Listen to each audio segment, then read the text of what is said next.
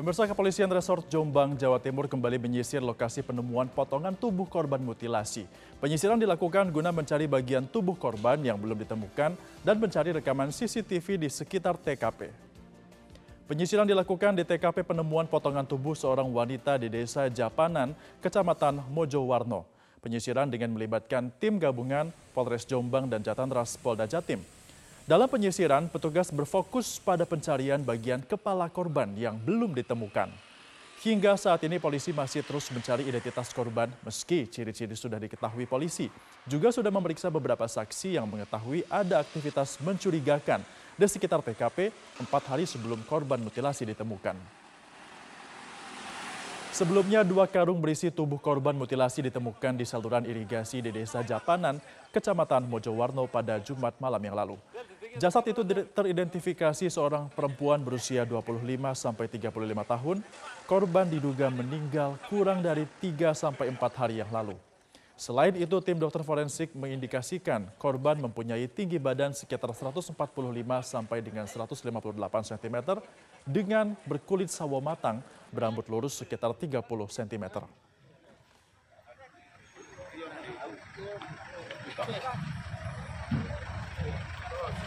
jam eh, 3 melihat ada mobil truk berhenti di daerah TKP pembuangan mayat itu. Sekitar harinya kalau nggak salah itu hari dari keterangan saksi tadi hari Senin dini hari. Eh, sejauh ini apakah sudah ada laporan dari warga, ada keluarga yang hilang atau bagaimana Pak? Sementara sampai sekarang belum ada dari warga saya juga belum ada, dari teman-teman sekitar teman-teman kepala desa juga belum ada. Bersama tim SAR gabungan mengevakuasi dua korban selamat dan satu korban meninggal dunia tenggelamnya kapal LCT Modern Putra Samudra di Tanjung Liboba, Kabupaten Halmahera Selatan. Sementara itu dua ABK lainnya masih dalam pencarian. Sebanyak sembilan orang menjadi korban tenggelamnya kapal LCT Modern Putra Samudra pada hari Minggu akibat dihantam gelombang tinggi di perairan Laut Halmahera Selatan, Maluku Utara.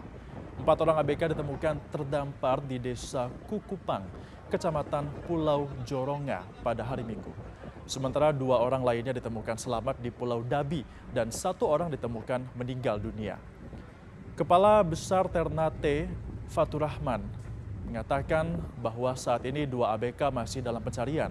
Kapal LCT mengangkut alat berat berupa dua eksavator, satu unit bomas, serta satu truk. Kapal berlayar dari pelabuhan Wedah Halmahera Tengah menuju Sorong, Papua Barat. Kapal tenggelam di perairan Tanjung Liboba, Halmahera Selatan, lantaran dihantam gelombang tinggi.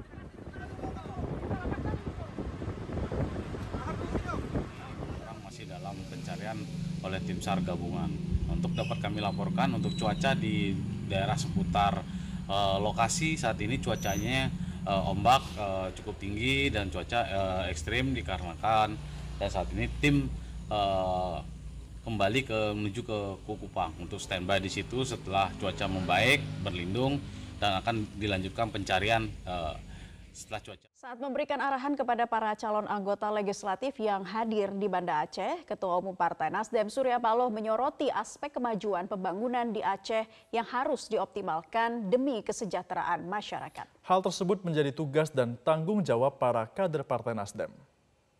Berkepentingan untuk kemajuan wilayah ini. Karena dengan kemajuan wilayah ini, berarti arti dan peran eksistensi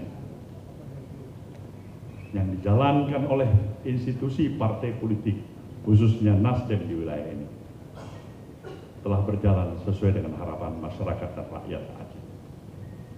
Tapi sebaliknya, betapa bersedih hatinya, betapa suasana kebatinan yang penuh dengan rasa kekecewaan rakyat dan masyarakat Aceh ketika kita tidak mampu mengoptimalkan posisi dan peran kerja-kerja politik kita yang memberikan sebuah hasil bagi proses akselerasi pembangunan, kemajuan pembangunan dalam seluruh aspek kehidupan yang kita miliki untuk membesarkan dan membesarkan hati, membanggakan diri kita sekaligus mempersiapkan masa depan anak cucu kita untuk Aceh yang kita banggakan dan kita sayangi. Pemirsa ribuan relawan Anies Baswedan menyambut kedatangan Anies di Bandara Internasional Banyuwangi, Jawa Timur di hari ini. Kedatangan Anies di Banyuwangi disambut antusias oleh para relawan. Mereka bahkan berebut untuk bersuah foto hingga meminta tanda tangan capres dari Koalisi Perubahan untuk persatuan ini. Di Banyuwangi, Anies akan bersilaturahmi ke kediaman Hashim Al-Hadad, kemudian bertemu dengan para pengusaha ikan dan nelayan di Muncar. Setelah itu silaturahmi ke Pondok Pesantren Nurul Abror di Alas Buluh dan selanjutnya ke Ponpes Wali Songo di Situbondo, Jawa Timur.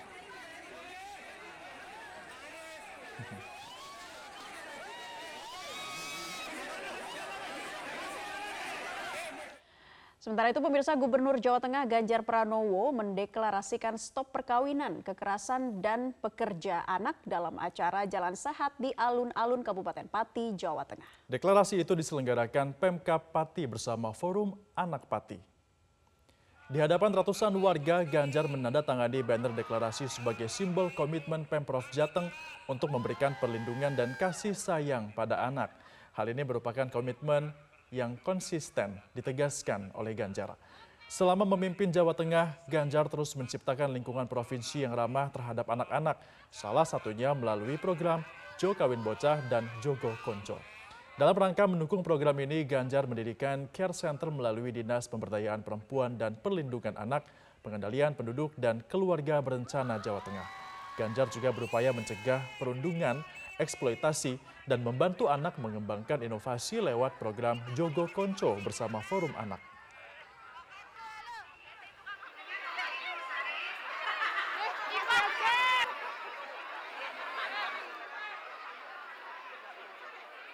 Sementara itu, Menteri Pertahanan Prabowo Subianto menghadiri Jalan Sehat di Makassar, Sulawesi Selatan.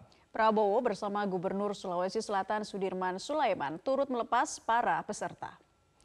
Prabowo mengapresiasi semangat para peserta Jalan Sehat dalam rangka memperingati 345 tahun Sulawesi Selatan. Menurutnya, kegiatan ini sebagai upaya pemerintah menggerakkan masyarakat untuk menjaga dan memperhatikan kondisi kesehatan. Prabowo juga turut membagikan hadiah kepada para peserta Jalan Sehat. Dan acara ini sendiri dihadiri sekitar 450 ribu warga dari berbagai daerah di Sulawesi Selatan. Ajang ini juga diselenggarakan dalam rangka memperingati kemerdekaan Indonesia ke-78. Ratusan nelayan Binuangeon, Kecamatan Wanasalam, Kabupaten Lebak, Banten mengungkapkan keluh kesahnya terkait penutupan ekspor benih lobster atau BPL. Menurut nelayan, saat ini susah menangkap ikan sehingga bibit lobster lah yang bisa diandalkan.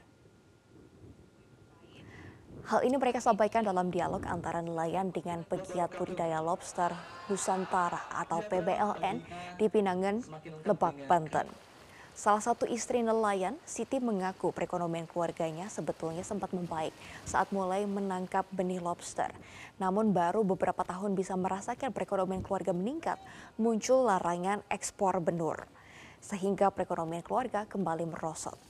Menurut Kepala Desa Muara, Ujang, larangan ekspor benur ini sempat menimbulkan konflik antara warga dengan aparat. Ia berharap pemerintah dapat meninjau kembali larangan ekspor benur. Selain itu penting juga memberikan pelatihan dan menyediakan teknologi budidaya lobster yang mumpuni. Kalau sekarang ini kan cari ikan lagi susah, Bapak lagi susah. Maka andalannya nelayan itu adalah baby lobster, benur itu. Sekarang ini. Kucing-kucingan, kucing-kucingan. Jadi kalau nelayannya aman, aman nelayannya. Tapi ini yang membelinya, Pak. Kadang-kadang uh, itu kadang-kadang uh, ada uh, penyergapan di tengah jalan oleh pemerintah. Kadang-kadang di tempat gitu kan. Nah itu yang Pak Bapak harapkan tadi yaitu jangan sampai seperti itu lagi. Kita beralih ke informasi lain pemirsa, Wakil Menteri Perdagangan Republik Indonesia Jadi Sambuaga meninjau salah satu tambang batubara di Kabupaten Musirawas Utara. Ia berharap batubara sebagai unggulan ekspor bisa berkontribusi pada neraca perdagangan Indonesia. Selain melakukan tatap muka dengan pengurus DPD Hipakat Sumsel, Wamandak Jerry Sambuaga juga meninjau tambang batu bara di Kecamatan Rawas Ilir, Kabupaten Musirawas Utara. dengan didampingi pihak perusahaan tambang. Diketahui batu bara yang berasal dari Musirawas Utara dari waktu terjadi peningkatan pada jumlah produksi dan ekspornya. Wakil Menteri Perdagangan Jerry Sambuaga menyebut hal ini merupakan salah satu bentuk kontribusi yang signifikan untuk ekspor dan batu bara adalah salah satu produk yang menjadi unggulan ke mancanegara yang memberikan kontribusi kepada neraca perdagangan.